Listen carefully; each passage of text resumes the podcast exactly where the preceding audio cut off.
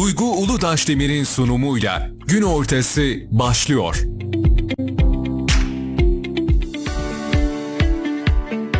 Kayseri Radar takipçileri ve Radyo Radar dinleyicileri herkese merhabalar sevgili izleyenler.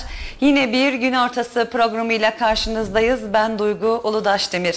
Sevgili izleyenler bugün son günlerde çok fazla gündemde olan EYT'yi konuşacağız. Asgari ücreti konuşacağız ve emekli maaşlarını konuşacağız. Ee, sosyal medya hesaplarımızdan bizlere soru sorabilirsiniz.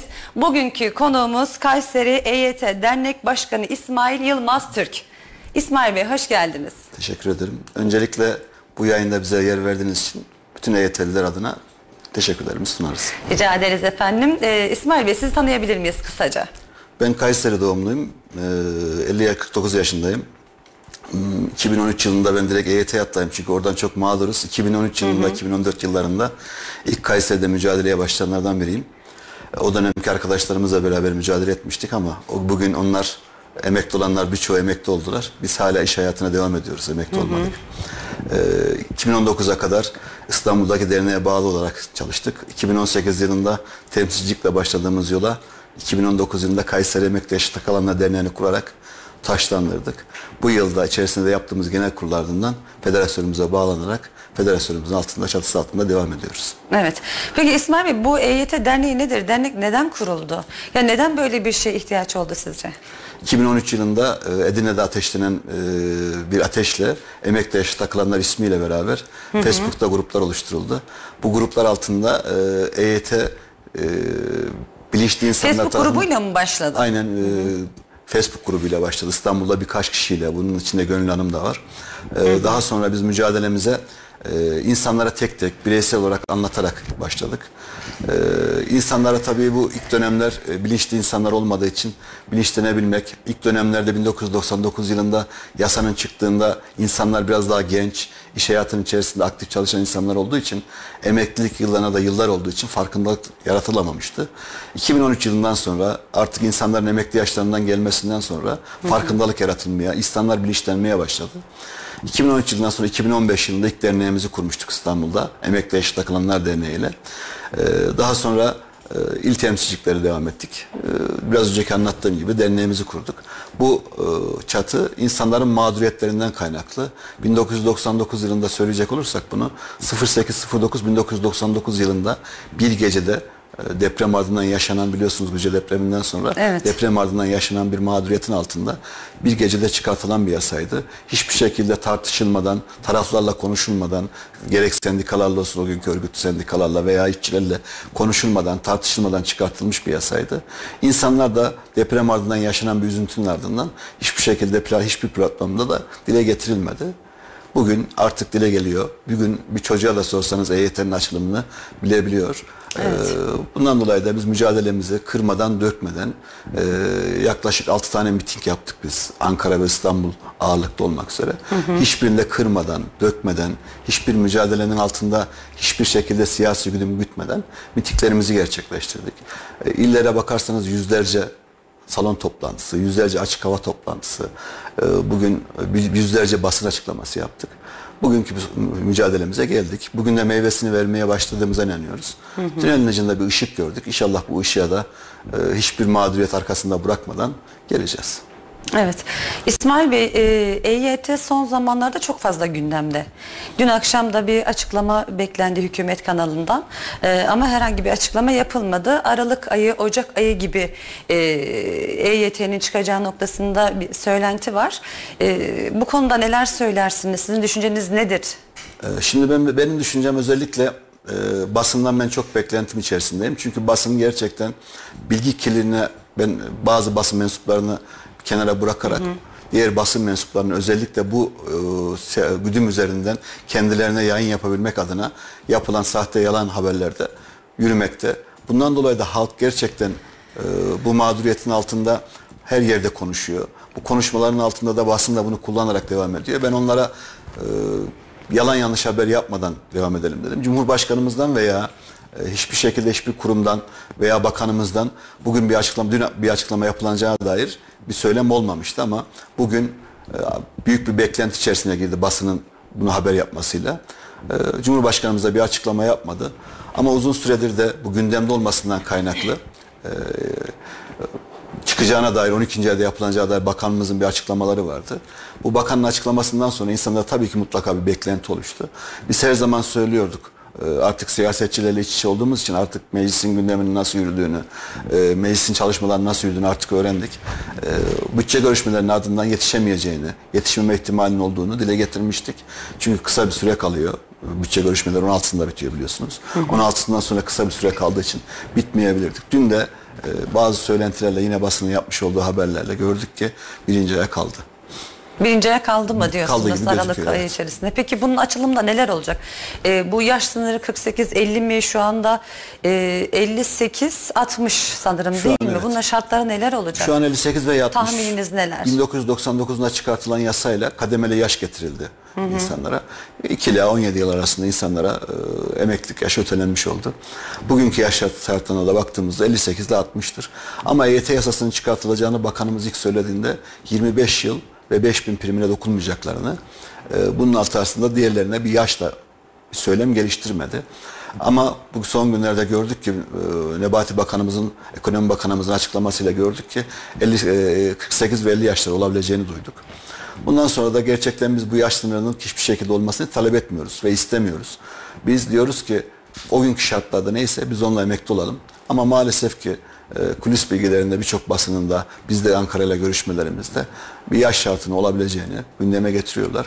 Ama bazen de bakıyorsunuz e, hiçbir şekilde yaş şartı olmadan gelir diyen kulis bilgileri de var. Evet.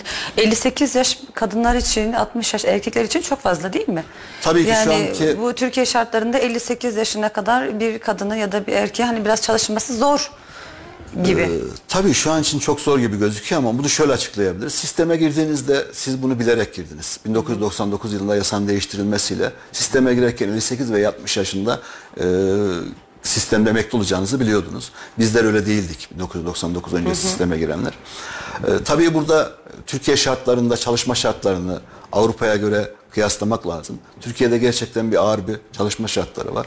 Bir özel sektör çalışanı olarak ben e, bunu görüyoruz ki günlük 12 saat, 13 saat e, çalışmalarla, mesaili çalışmalarla insanlar e, ağır yük altında kalıyorlar. Bir de geçim şartları da Türkiye'de e, asgari ücret oranlarına da baktığımızda gerçekten çok yüksek bir oranda asgari ücrete çalışan var. Diğer ülkelere, Avrupa ülkelerine, gelişmiş ülkelere baktığımızda. Bu da ağır bir şartlar altında çalışan insanlara da tabii ki 58-60 yaş ağır bir şarttır. Ama bununla ilgili de görüşmeler yapılabilecek, taraflarla görüşülerek, sendikalı konularda e, bakanımızın da söylediği gibi sendikalar örgütlenmeyi her zaman için dile getiriyordu. Bunu da yaptığı gibi taraflarla görüşülerek bu da düzenleme yapılabilir. Ama şu an ufukta onlarla ilgili bir düzenleme gözükmüyor. Evet.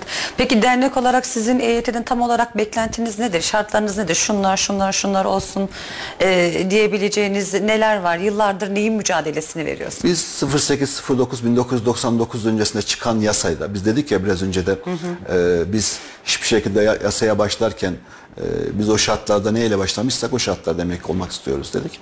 Ve hiçbir şekilde yaş şartının olmadan e, erkeklerde 25 yıl, kadınlarda 20 yıl başlangıcından itibaren e, sigortalı olan 5000 primi de tamamlayan herkesin emekli olmasını istiyoruz. E, tünelde bir ışık gördük. O ışıkta da hiç kimseyi bırakmadan biz mücadelemizde bırakmayacağız. İnşallah o tünelden çıkarken de bütün EYT'li kaderdaşlarımızla çıkartarak çıkacağız. Evet. Peki son günlerde e, çok fazla gündemde olan emekli maaşları biliyorsunuz. Emekli maaşları sizce ne kadar olacak e, yeni dönemde 2023'te? Emeklileri ne bekliyor? Tahmininiz nedir? Şimdi emeklilerle ilgili e, bunu asgari ücretle başlamak lazım. E, as, neden asgari ücretle başlamak lazım? Daha çok asgari ücretle kıyaslandığı için ben en düşük emekli maaşının asgari ücret kadar olmasını taraftarıyım. Çünkü bir e, asgari bir ücret belirliyorsunuz. Geçim şartı bu diyorsunuz. Ve insanlara daha sonra emekli olduğunda o e, ücretin altında ücret ödüyorsunuz. Ben bundan dolayı da en düşük emekli maaşının asgari ücret tutarında olması gerektiğine savunanlardanım. Evet, emekli maaşları peki neye göre hesaplanıyor? almış olduğu primlere göre e, daha önce SSK primlerine, Bağkur primlerine göre hesaplanıyor. Bu da e, yıllara yaydığı primler 1900 e, pardon 5510 yasayla e, 2008 yılında bir bağlama oranları değiştirildi. Bundan kaynaklı da şu an insanların maaşlarında düşüşler yaşanıyor. E, 2008'den bu yanlıya bu tarafa çalışan insanlar maaşlarında sürekli düşüşler görüyorlar. Maaşları yüksek değilse tabii ki. E, bundan dolayı da aylık bağlama oranlarının üzerinde çok durup bunun da tartışarak, sosyal taraflarla tartışarak bunun da mutlaka ve mutlaka düzeltilmesi gerekir. Çünkü belki bugün sisteme girenler 20 yıl 30 yıl çalıştıklarında belki bu sisteme mağdur kalmayacaklar. Fakat bizler 1999 öncesinde çalışanlar ve 1999'dan sonra 2000 yılına 2000 yılından 2008 yılına kadar çalışanlar aylıklarında sürekli düşüşler yaşıyorlar. Bunun da sebebi olarak 1990 2008 yılı öncesi aylık bağlama oranları %70'lere kadar çıkıyordu. Bugün yüzde 40 gibi civarlarında kalmakta 2008'den sonra aldığınız ücrete göre ödenen prime göre maaşlarınız ona göre bağlandığı için aldığınız ücretin daha düşük almaktasınız. Bunu tek tek anlatarak insanlara sosyal taraflarda tartışarak Çalışma Bakanımız bu konuya henüz hiç değinmedi. Bunlara da mutlaka değinip 2008'de çıkartılan yasanın düzeltilerek e, aylık bağlama oranlarının mutlaka düzeltilmesi lazım. Bugün emekliler geçinemiyoruz, 3500 lira maaş alıyoruz derken bu da zaten biliyorsunuz geçen yıl Cumhurbaşkanımızın kararnamesiyle 3500 TL'ye çıkartıldı. Hı hı. Aslında bağlanan aylıklar 2500, 2300 lira gibidir. Bunun üzerine Cumhurbaşkanımız tamamlamasıyla hazineden tamamlayarak 3500 TL'ye çıkartıldı. Mutlaka ve mutlaka asgari emekli maaşlarının e, asgari ücret tutarına çıkartılarak en düşük emekli maaşının ona göre faydalanması lazım ki bunu daha önce 2000'li yıllarda bunu görüyorduk. E, 2000'li yıllarda 2099-2000'li yıllarda asgari ücretin bir buçuk katıydı en düşük emekli maaşı. Evet. Peki EYT e, çıktıktan sonra kaç kişi emekli olacak Türkiye geneli? Şimdi bize biz tam sayalamadık. Biz defalarca e, ve şahsi olarak veya dernek olarak defalarca Çalışma Bakanlığı'na yazıda bulunduk. Hı hı. Talepte bulunduk. Emekli eşit takılanan sayısı kaç diye. Bugüne kadar defalarca da bakanımız açıklama yapmasına rağmen e, sayımızla alakalı net bir rakam vermedi. 5 milyon, 4 milyon, 5 milyon civarında olduğunu söyledi. E, fakat net bir rakam vermediği için de biz de bilmiyoruz. Sosyal taraflar olarak biz e, çeşitli sosyal güvenlik uzmanlarıyla biz bir çalışma yaparak tahmini sayımızı bulduk. Buna da nasıl bulduk? 1999 yılında sistemde kayıtlı olan kişilerle bugüne kadar emekli olmuş kişilere düştük. Kalan rakam yaklaşık 4-4,5 milyon rakamı gibi bir rakam. Fakat bugün bunlardan kaç kişi emekli olursa olacak derseniz bakanımızın söylediği rakama inanmak zorundayız. Çünkü bizler kimler primini tamamladı, kimlerin primi eksik, kimler yılını tamamladı, kimler yılını tamamlamadı bilmiyoruz. Sadece 1999 evet. yılında sisteme girenleri biliyoruz. O sebepten dolayı da mutlaka bakanımız daha doğru bilgi verdiğine inanarak 2 milyon kişi olduğunu söyledi yılbaşından sonra. Büyük ihtimalle de öyledir zaten. Evet şu anda da zaten bir e, görüşmeler devam ediyor. Devlet bütçesine göre yapılacak dediğinize göre işte 4,5 milyon e, emeklilik söz konusu değil mi? Tabii bu Tabii. devletin devlet hazinesine düşünmesi gereken, ince elenip sık dokunulması gereken bir konu olduğunu düşünüyorum. E, elbette ki EYT'nin çıkması Türkiye geneli birçok e, kişi için yani faydalı olacak. Ben mesela kendi adıma düşünüyorum.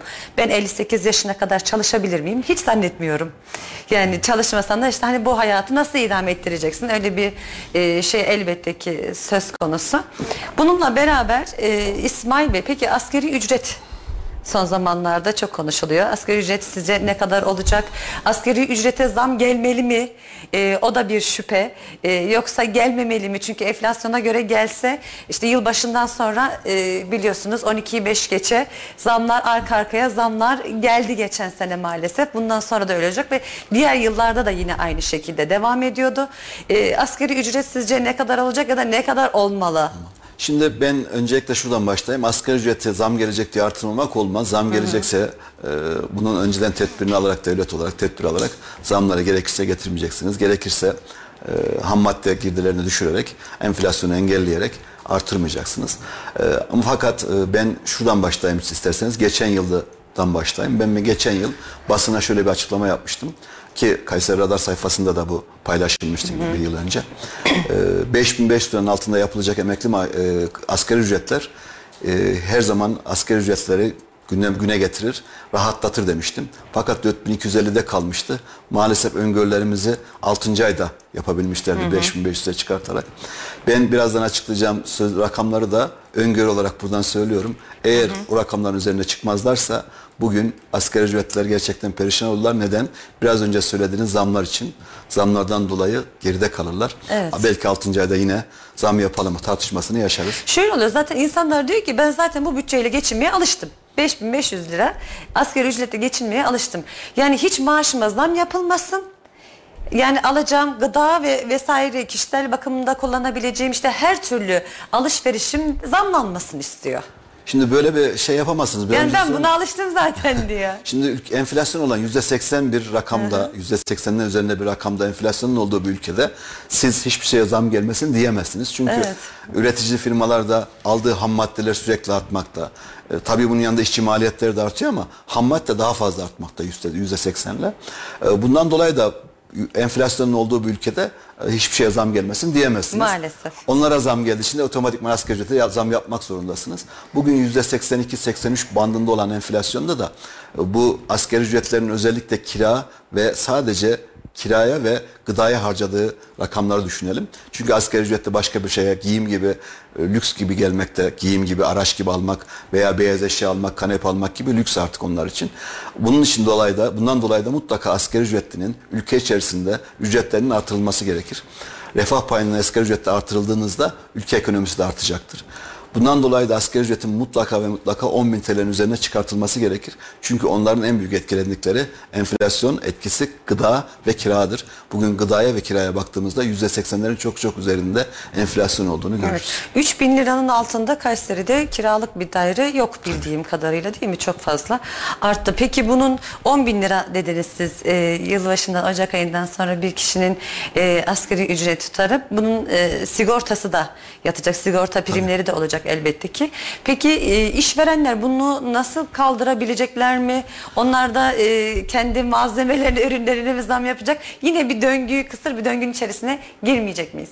Tabii yine kısa bir döngünün içerisine gireceğiz çünkü onların da maliyetlerinde sürekli bir artış yaşanıyor. Biraz önce de söyledim.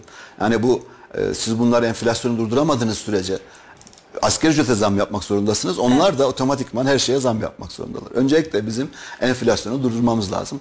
Cumhurbaşkanımız açıkladı. İnşallah onun dediği gibi %30'lara kadar düşeceğini düşünüyoruz. Evet yüzde yirmilik bir rakam söyledi. Tabii yüzde yirmilik bir rakam telaffuz etti akşam. Fakat bu yüzde yirmilik rakamlarla la geriye doğru gitmeyecek hiçbir rakam. Hiçbir ücret geriye doğru gitmeyecek. Sadece enflasyon fiyat artışlarının hızı düşmüş olacak. Yüzde seksenlerde olan fiyat artış hızı yüzde yirmilere kadar gerileyecek. Hani bu fiyatları geri alamayacağımız için bugün asgari ücretlinin geçimi biraz önce siz de söylediniz. 3000 TL bir ücret e, kira ücretiyle Evet. kalan 2500 lirayla bir geçinmek gibi bir lüksü yok. Ben e, normal bir e, mahallede, mühitte normal bir evde oturuyorum. Aileme ait bir evde oturuyorum. Faturalarımı düşündüğümde 1000 TL'nin üzerine 1500 TL gibi bir rakamlarda fatura ödüyorum. Isınma bedeli gibi, e, elektrik, su gibi. E, bu 1500 TL rakamının üzerinde de siz düştüğünüzde asgari ücrette birinin düştüğünde 3000-4500 lirada 1000 TL gıdaya para kalıyor. 1000 TL de geçinmesi imkansız. Ondan dolayı da diyoruz ki biz 10.000 TL'nin altındaki her asgari ücretli geçim sıkıntısı açlık sınırının altında kalır. Çocuklarının eline e, okula giderken beslenme çantası koyamaz. Kendi sabah kahvaltısında hiçbir şey yiyemez. Belki akşam yemeğini çıkartabilir. Evet her şey gibi eğitim masrafları da arttı. Peki ek iş yapanlar arttı mı sizce bu süreçte? Tabii mutlaka ben e, özel bir şirkette, özel bir firmada çalışıyorum. Özellikle bu firmalarda çalışan, özel firmalarda çalışan arkadaşların e, görevli olarak, bina görevlisi olarak çalıştıklarını, temizlik karşılığı evlerde oturduklarını daha çok görmeye başladık. Evet. Eskiden bunları görmezdik. Artık onları yaktık. Ek iş olarak yapan diğer arkadaşlar da var. E, tabii etik olarak mı değil mi onlara da bakmak lazım. Değil mi? Evet. Peki aylık bağlama oranlarından bahsedecek olursak bu konuda neler söylersiniz İsmail Bey? Şimdi- Neye göre bağlanır? 1900 2000 yılı öncesi 1999 yılı öncesi e, yüzde 80'lere kadar bağlanan aylık oranları aylık bağlama oranları 2000 yılında yüzde 74'lere kadar düşürürken e, 2008 yılında da 5510 yasası sayılı yasayla e, %28'lere kadar düşürüldü.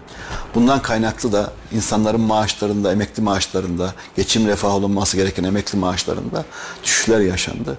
Bugün emekliler, bugün bakıyorsunuz e, emeklilerin birçoğu çalışmakta. Bundan neticesinde de görüyoruz ki siz dediniz ya, 58 yaşında 60 yaşında emekli olacağız. Emekli olduktan sonra da hayat maalesef bitmiyor Türkiye'de. Çalışmak zorundasınız. Ya çocuğunuz üniversiteye gidiyordur ya Evet. evlenecek yaştadır. Artık çocuğunuza bir gelecek sağlayabilmek adına siz de çalışmak zorunda kalıyorsunuz. Bugün organize sanayi bölgesine giderken özellikle servis şoförcülüğü yapılmakta ya emektar e, vatandaşlarımız. Onlara baktığınızda bekçilik birçoğu- yapılıyor birçok yerde birçoğu, değil mi? e, Evet. Çalışıyor. Orada da çok düşük ücretle çalıştırılıyorlar. Ben ona çok üzülüyorum. Ya da bakıyorsunuz inşaatta bekçilik yapıyor. Ee, tabii bu emeklinin de çalışılabilmesi çok e, acı veriyor insana. Çünkü Avrupa'dan gelen emekli vatandaşlara bakıyorsunuz. Refah içerisinde Türkiye'de rahatlıkla bir tatil yapabiliyor. Bırakın e, Türkiye'deki bir emekliyi, normal bir emekliyi, bırakın yurt dışına gitmeyi, diğer şehirdeki çocuğunun yanına tatile bile gidemiyor maalesef. Evet. Peki bu bekçilerin az önce bahsettiğimiz gibi servis şoförlerinin sigorta primleri yatıyor mu? Tabii kaçak çalıştırılmıyorsa yatıyordur. Ama birçok firmada kaçak çalıştırılıyor.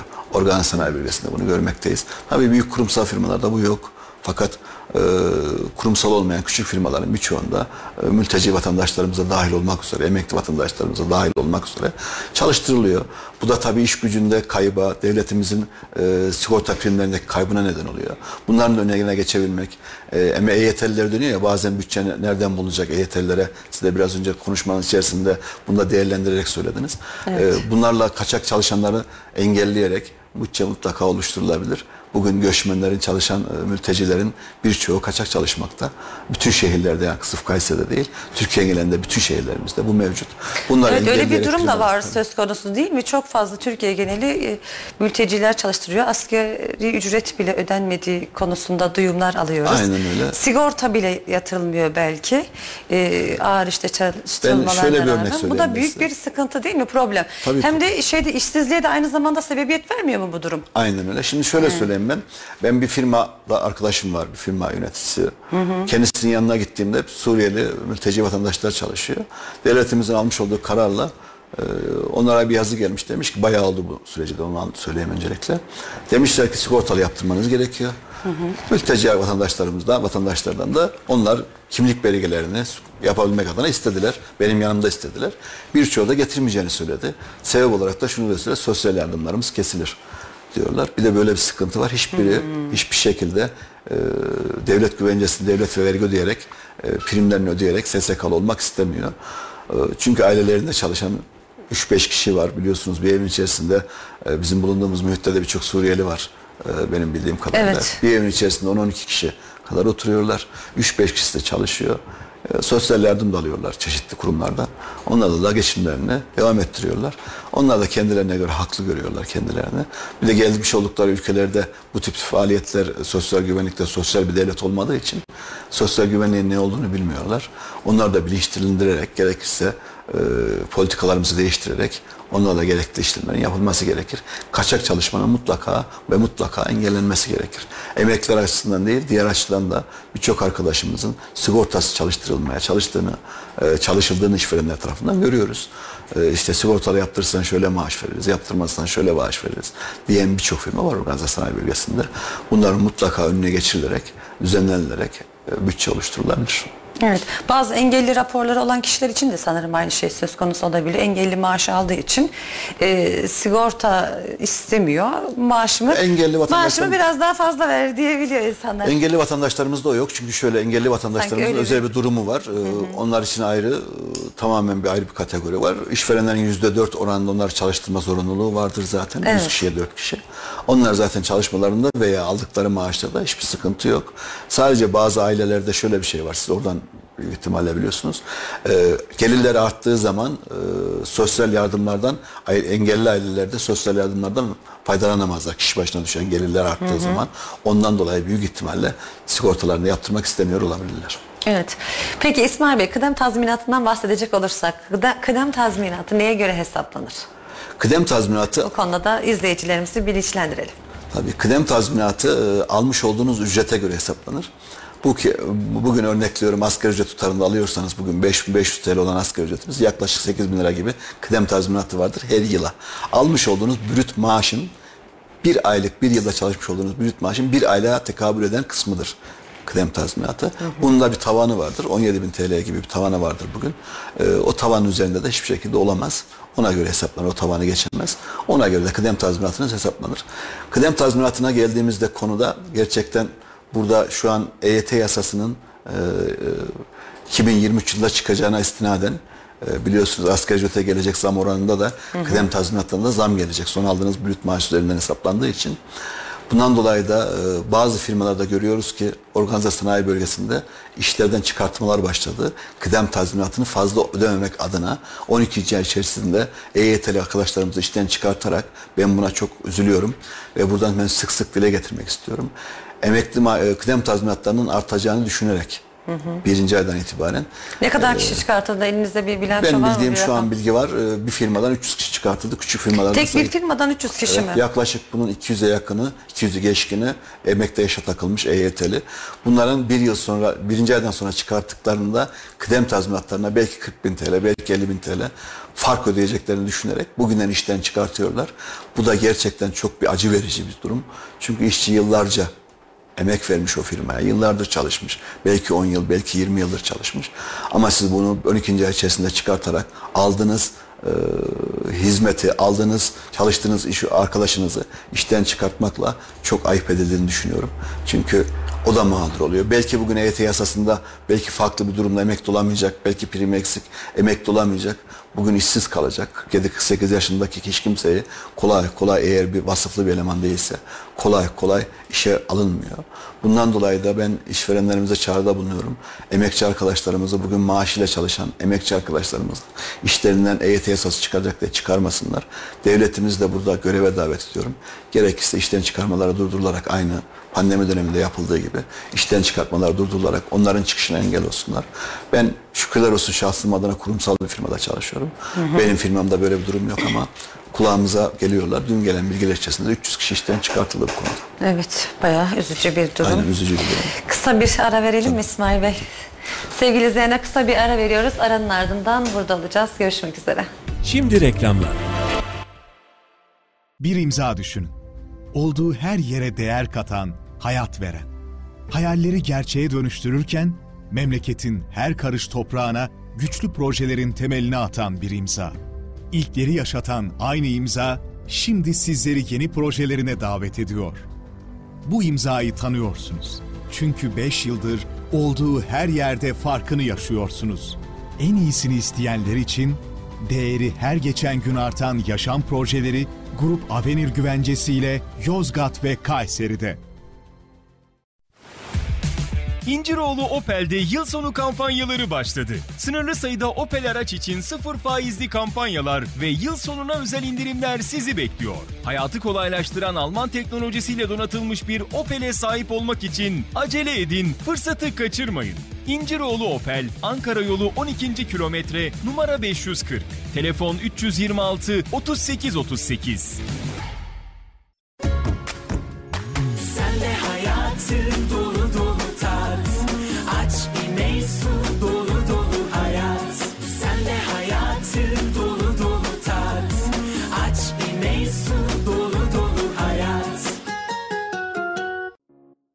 Şehzade ve Dipgros marketlerinde 25. yıla özel indirimler. 25. yılımıza özel 15-31 Aralık tarihleri arasında tüm şubelerimizde geçerli. Hiçbir yerde göremeyeceğiniz yılın en ucuz günleri başlıyor. Şok indirim fırsatlarından faydalanmak için Şehzade ve Dipgros marketlerimize uğramayı sakın unutmayın. Kayserili hemşehrilerimize 25 yıldır bize göstermiş olduğu ilgiye bu şehrin markası Şehzade Grup olarak teşekkür ediyoruz. Neotek, kurumsal çözümler. Binalarınız için merkezi uydu sistemleri, görüntülü diyafon, işletmeleriniz için güvenlik kamerası, hırsız alarm sistemleri. Gözünüz arkada kalmasın. Adres Sahabiye Mahallesi, Örnek İş Merkezi, Kat 4, numara 404. Telefon 0352 220 44 33. Ve kırtasiye ihtiyaçlarınızın hepsi uygun fiyatlarla Vizyon Kitap Evi'nde. İlk öğretim ders kitapları, AYT, TYT hazırlık kitapları, güncel kitaplar, dünya klasikleri, çeşit çeşit kırtasiye ürünleri ve çok daha fazlası Vizyon Kitap Evi'nde. Vizyon Kitap Evi, Meysu Outlet'te.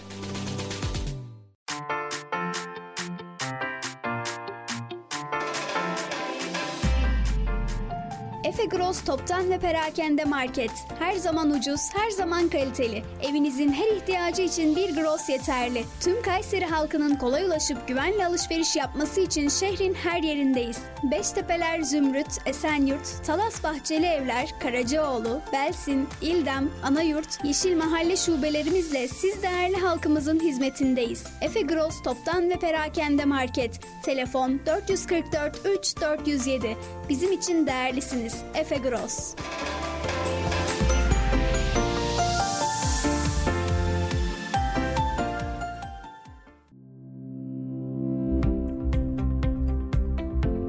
SMT Otomotiv 7 gün 24 saat kaza müdahale ekibi ve çekici hizmetiyle her zaman yanınızdayız. Tüm kaporta işlemleri, boya, mekanik, plastik tampon tamiri, şase düzeltme, pastacıyla, far parlatma, boya koruma ve daha fazlası SMT Otomotiv'de. Kasko ve sigorta anlaşmalı servisimizle hasar takip ve tespit hizmetleri hızlı ve güvenilir bir şekilde hizmetinizdedir. Adres Yeni Sanayi Şeker Kısmı 15. Sokak No 8 Kayseri. Telefon 0532 250 46 35. Bu ülkenin çok derdi var.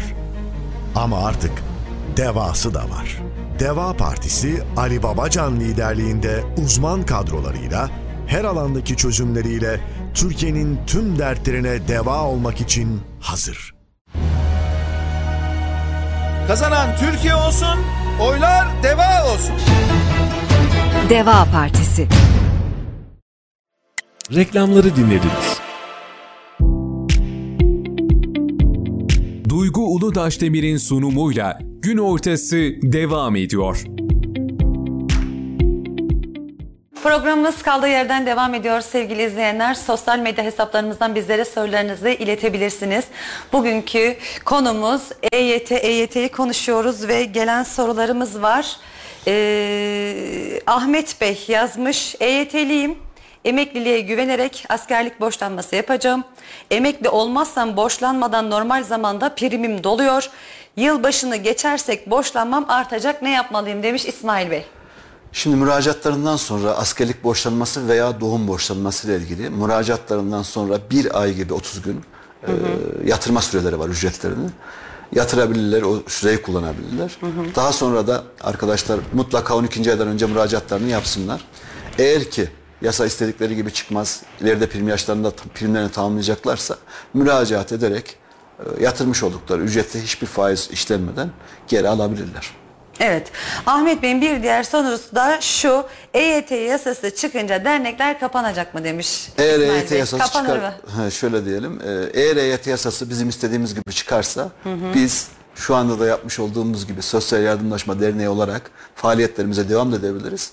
Duruma göre gerekirse kapatabiliriz de. Fakat şu anda da yaptığımız gibi Sosyal Yardımlaşma Dayanışma Derneği olarak da faaliyetlerimize devam edebiliriz. Çünkü EYT'li kaderdaşlarımızın içerisinde emekli olduktan sonra da dahil olmak üzere birçoğunun ihtiyacı var. Bunlara biz köprü olmaya çalışıyoruz. Ee, gerek iş konusunda, gerek sosyal yardımlar konusunda faaliyetlerimize de bu şekilde devam ediyoruz. Ben buradan da belirteyim. ee, bir köprü olmaya çalışıyoruz veren elle alan el arasında. Hı hı. İnşallah o köprüye devam ederiz ya da e, bakarız. Gerekirse de kapatabiliriz de bir sıkıntı yok bizim için. Peki. Bir diğer izleyicimiz Yasin Yıldırım. Ee, hemen soruyu iletiyorum size. Başkanım staj yasası ile ilgili gelişmeler nelerdir? Bilgi alabilir miyiz demiş. Ee, Yasin Bey öncelikle buradan selamlarımı iletiyorum. Ee, Yasin Bey'in staj konusunda bakanımızın da söylediği gibi şu an için bir çalışma yok mecliste. Aldığımız bilgiler içerisinde. Ee, bakanımız da bunu ilettiler.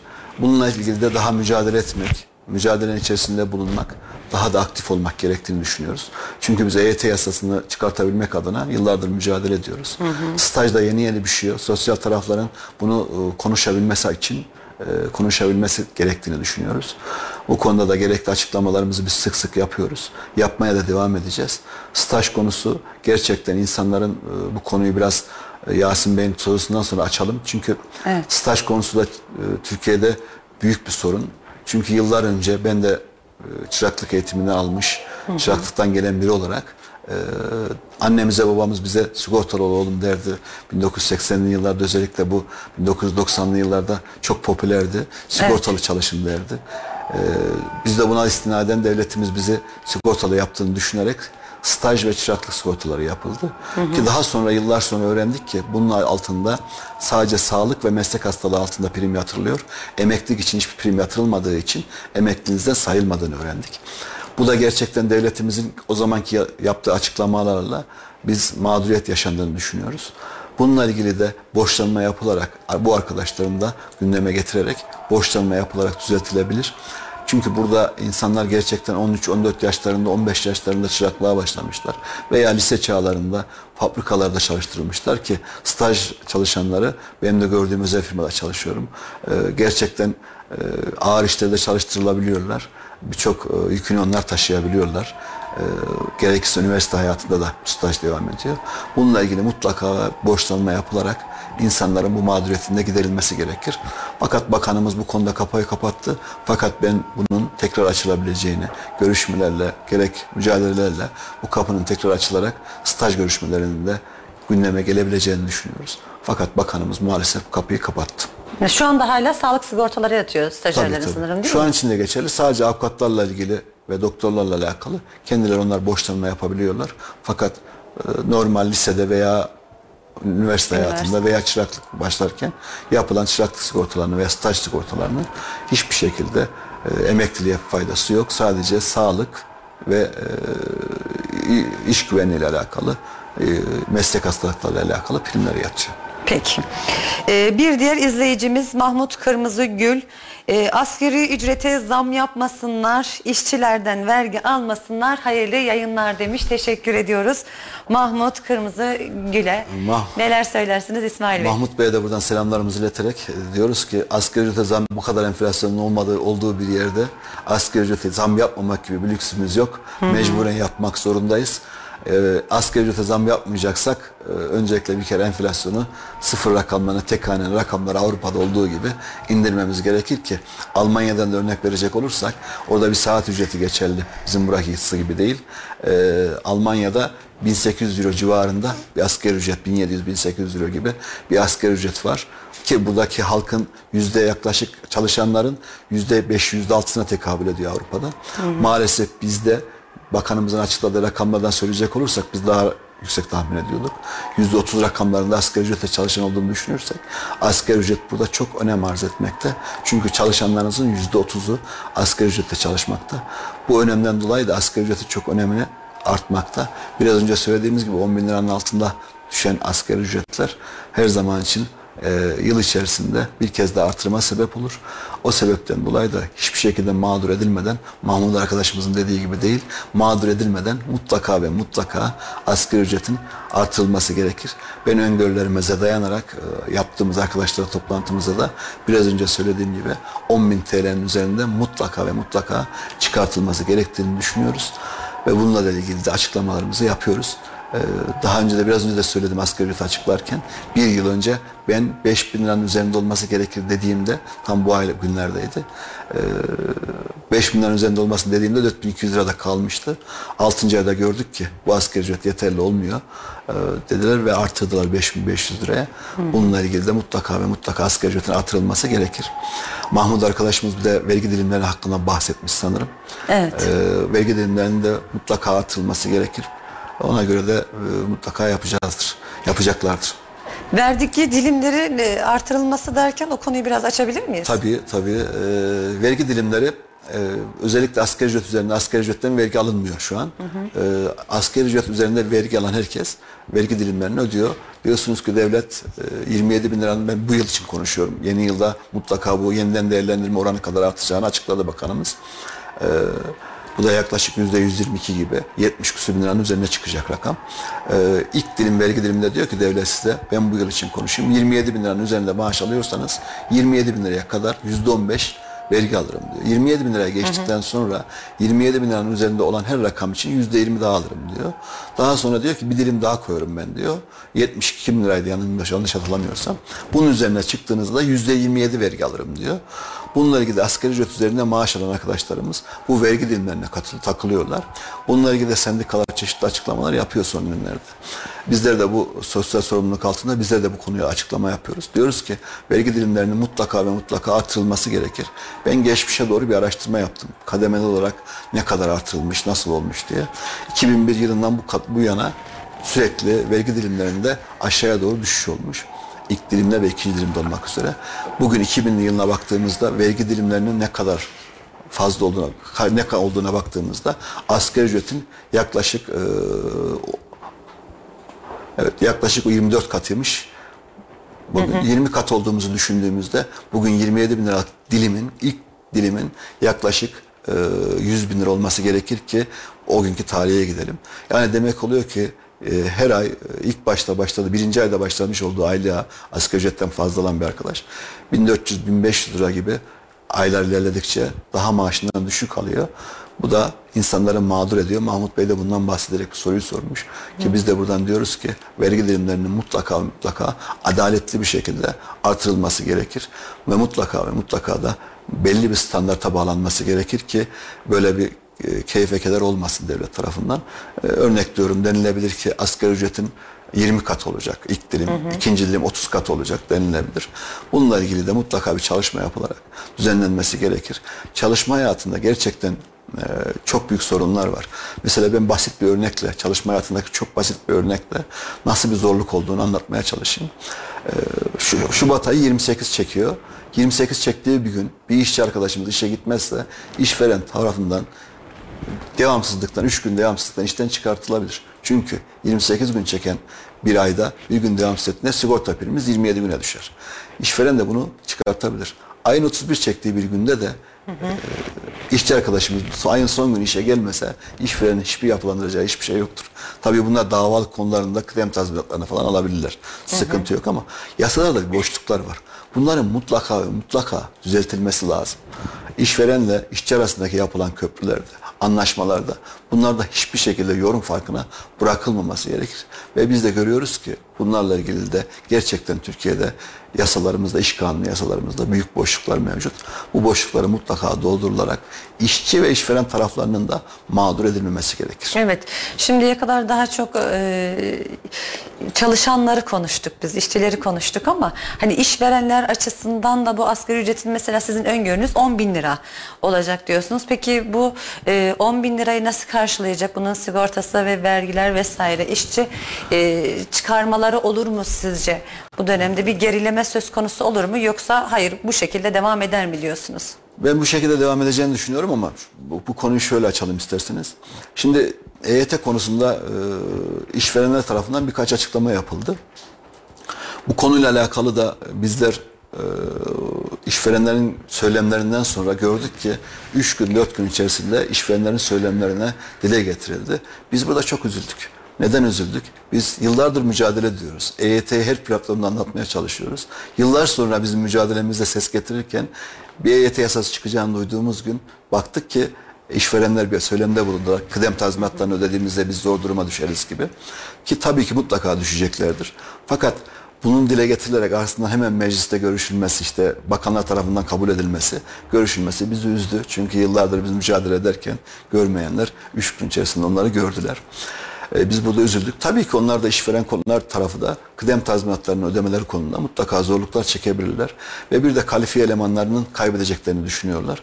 Madem kalifiye elemanlarınızı kaybetmiyorsunuz, bugün yüzde otuz baktığınızda yüzde otuz oranında asgari ücretlerin çalıştırıldığı bir ülkede kalifiye elemanlarınızı kaybetmiyorum, kaybetmeyelim demek istiyorsanız bu rakamların daha fazla olması gerekir. Çok düşük olması gerekir. Fazla olması derken yanlış oldu. Çok düşük olması gerekir. Asgari ücretli çalışanın madem kalifiye elemanlarınızı kaybetmek istemiyorsunuz, asgari ücretin üzerinde maaş vererek onları kaybetmeyeceksiniz. Ve bugün asgari ücretin e, verilmesine baktığımızda tabii ki bu kadar e, enflasyonun fazla olduğu bir ülkede ki asgari ücretle memur maaşlarına baktığımızda çok farklıdır. Memur maaşları örnek diyorum verilen zamlar önümüzdeki yılın öngörülen zamı kadardır ve eğer o rakamın üzerinde bir ücret çıkmışsa, enflasyon çıkmışsa aradaki fark ödenir. Hı hı. Fakat asgari ücrette böyle değildir. Bir yıl geçmişin farkı verilir. Bugün biz 10 bin TL'nin üzerine çıkmış derken biz geçen yılın yani bu 2022 yılının yaşamış olduğumuz enflasyon oranında olduğu istediğimiz için ben 10 bin TL'nin üzerine çıkmasını istiyorum. İstiyoruz. Bundan dolayı da 10 bin TL'nin üzerine çıkarsa insanlar biraz rahat nefes alacaklar. Biraz geçimleri biraz daha rahatlayacak. Çünkü kira bedellerinin bu kadar arttığı, e, gıda enflasyonunun bu kadar arttığı bir dönemde siz 5500 lirayla çalışmakla diyemezsiniz. Veya diyemezsiniz ki siz önümüzdeki yıl biz enflasyonu %30 öngörüyoruz, %30 artırın diyemezsiniz. Geçmiş olduğumuz dönemin enflasyonuna istinaden gıda enflasyonuna da bakarak %80'in üzerinde zam yapılması gerektiğini düşünüyoruz. Ve bundan dolayı da 10 bin TL'nin üzerine mutlaka ve mutlaka asgari ücretin çıkartılması gerekir. Bununla istinaden 10 bin TL'nin üzerine çıkartılan asgari ücrette de emekli maaşlarının da mutlaka ve mutlaka düzenlenmesi gerekir. Geçen yıl Cumhurbaşkanımız 2000-2200 lira gibi olan emekli maaşlarını kararnameyle 3500 TL'ye çıkarmıştı en düşüğünü. Yalnız burada da tabii büyük sıkıntılar vardı. Şöyle sıkıntılar vardı. Çıkartılan 3500 TL'ye maaş e, 3500 TL'ye gelen zamlarla gelen maaşı gelene kadar zam gelmeyecekti. Bunun da mutlaka ve mutlaka bu yıl düzenlenerek asgari ücrete kadar en düşük emekli maaşının asgari ücrete çıkartılması gerekir. Evet. Peki İsmail Bey şimdi e, ben 58 yaşındayım diyelim. E, prim, gün, prim gün sayımı da doldurdum. Ben emekli olmak için nereye başvuru yapmam gerekiyor? Bu konuda da izleyicilerimizi ve dinleyicilerimize bilgi aktarmak istiyorum. Neler söylersiniz? İnsanlar ilk olarak nasıl hesaplatmalı? Mesela yanlış da hesaplanabiliyor değil mi bu Tabii, tabii. sigorta prim gün sayıları? Bunlar için nelere dikkat etmeliler? Şimdi öncelikle e, çalışma hayatından kendilerinin yatırılmış oldukları primlerini belli aralıklarla E-Devlet üzerinde çalışma hayatından kendilerini belli aralıklarla E-Devlet'ten primleri yatıyor mu? Ona mutlaka ve mutlaka baksınlar. Çalışılan arkadaşlar eğer primler oradan yatırıldığını görmüyorlarsa ki çalışma hayatımın içerisinde e, şikayet etme butonu var sigortalı çalıştırılmıyorum diye. Oradan şikayet ederek kendilerini sigortalı yaptırabilirler çalıştıkları firmada. Mutlaka ve mutlaka bunları takip etsinler. Hı hı. Ee, Kendilerini şikayet mi etsinler Tabii. diyorsunuz, Kendilerini sigortalara zaten- yatmıyorsa eğer? Aynen öyle. Kurumlarını şikayet etmiş oluyorlar çalıştıkları yere. Kurum geliyor, Sosyal Güvenlik Kurumu e, teftiş ediyor. Teftiş sonrasında da kendilerini sigortalarını yaptırıyorlar. E, emekli olurken de mutlaka sosyal güvenlik uzmanlarına danışarak nasıl emekli olması gerektiklerini, işte ben bu konuda özellikle doğum borçlanması ve askerlik borçlanması ile ilgili ve mutlaka bir sosyal güvenlik uzmanına veya çok bilgili bir mali müşavir arkadaşlara müracaat ederek kendi maaşlarını nasıl emekli olacaklarını danışmaları gerekir ki özellikle prim eksiği olan arkadaşlar, bayan arkadaşlarımız, prim eksiği olan arkadaşlarımız veya askerden sonra asker, olan arkadaşlarımız, sigortası olan arkadaşlarımız onlar takip etsinler, baksınlar askerlik borçlanmalarını veya doğum borçlanmalarını ve mutlaka mutlaka bir sosyal güvenlik uzmanına veya bilgili bir mali müşavir arkadaşa Dan- Danışsın danışarak bilgi alsınlar bilgi diyorsunuz alsınlar. ve Çünkü- çok güzel bir konuya değindiniz. Ee, doğum borçlanması ve askerlik borçlanması bu konuyla alakalı neler söylersiniz? Nelere dikkat edilmesi gerekiyor? Şimdi askerlik borçlanması ve doğum borçlanması ile alakalı herkesin yapmasına gerek olmayan bir durum. Çünkü bazı arkadaşların prime ihtiyacı vardır veya yıllarını geriye götürmek için yapmaya gerekir. Doğum borçlanmasında bu maalesef olmamakta ama askerlik borçlanmasında eğer askerden sonraysa as- e, başlangıcınızı geriye doğru götürebilirsiniz. Bundan dolayı da mutlaka ve mutlaka yine söylüyorum bilen birine danışarak bu da sosyal güvenlik uzmanları ve mali müşavir arkadaşlara danışarak bilgilendirme alabilirler. Ona göre borçlanma yapsınlar.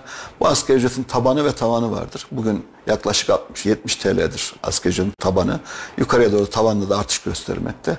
Buna göre de mali müşavirlerin veya sosyal güvenlik uzman arkadaşlarımızın yönlendirmeleriyle ona göre bir borçlanmalarını yaparak e, emeklilik şartlarını daha da iyileştirebilirler. Maaşlarını artırabilirler. Tabii bu kişiye doğru dayandığı için özellikle yine söylüyorum. Herkesin kişisel olarak bakılması gerektiği için mutlak benim maaşım artar mı, benim maaşım artmaz mı diye soru yerine kendi bireysel olarak sorması gerektiği için mutlaka ve mutlaka bilgili bir arkadaşa sorarak yapıp yapmaması Evet. gerektiğini bilgilenmeleri Doğum gerekir. borçlanmasının mesela bir süresi var mı?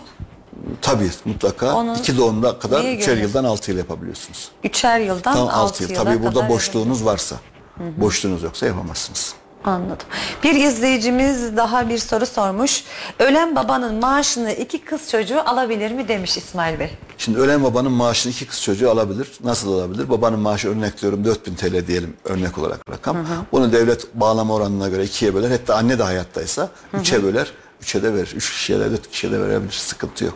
Devlet bu oranlamayı kendisi ayarlayarak işte belli bir oranlar var. Şimdi rakamlarını hatırlayamadım. Ona göre bölerek e, aylıklarını bağlar. Bundan dolayı da e, kız çocuklarımız aylıklarını alabiliyorlar. E, evlendikleri döneme kadar. Evet evlenene kadar alabiliyorlar değil mi? Aynen. Peki eşinden ayrılmış e, kadınlar alabiliyor mu? E, maaşı? alabiliyor tabii alabilir. Alabiliyorlar değil mi? Yine babasının maaşını Babasının, anasının maaşını, annesinin maaşını alabilir. Annesinin maaşını da mı alıyorlar? Hı, anne maaşını da alabiliyorlar. Peki derneğe geçecek olursak federasyon olarak neler yapıyorsunuz? Yakın zamanda faaliyetleriniz var mı? Ee, bu konu hakkında bilgi alabilir miyiz sizden? Ee, en son federasyonumuzun seçimini yaptık. Gönül Baronucu bakımızı yine e, başkanımızı e, başkanlığa layık gördük ve onu seçtik. Biz de denetim kurulunda görevi layık gördüler ve denetim kurulunda e, görev aldık. Ve bugün de e, çalışmalarımıza gelirsek sizin gibi basın arkadaşlarımızı çağırıp bilgi almak istediklerinde gidiyor bilgiler veriyoruz. Bunun haricinde en son e, Ankara'da bir çıkarma yapmıştık seçimden önce. Daha sonra da yine inşallah bu bütçe görüşmelerinden sonra yılbaşından sonra mı olur artık yasanın çıkmasıyla mı olur? Çeşitli faaliyetlerde bulunmak üzereyiz. 22 ilde derneğimizle beraber biz sık sık Zoom toplantısı yaparak ya da WhatsApp gruplar üzerinden sürekli bilgi istişareleri yapmaktayız. Gönül Başkanımız da sağ olsun her zaman tele, bir telefon kadar uzaklıktadır İstanbul'da olmasına rağmen. Biz bir telefon uzaklıkta ulaşır ve onlarla gerekli istişareleri yaparız.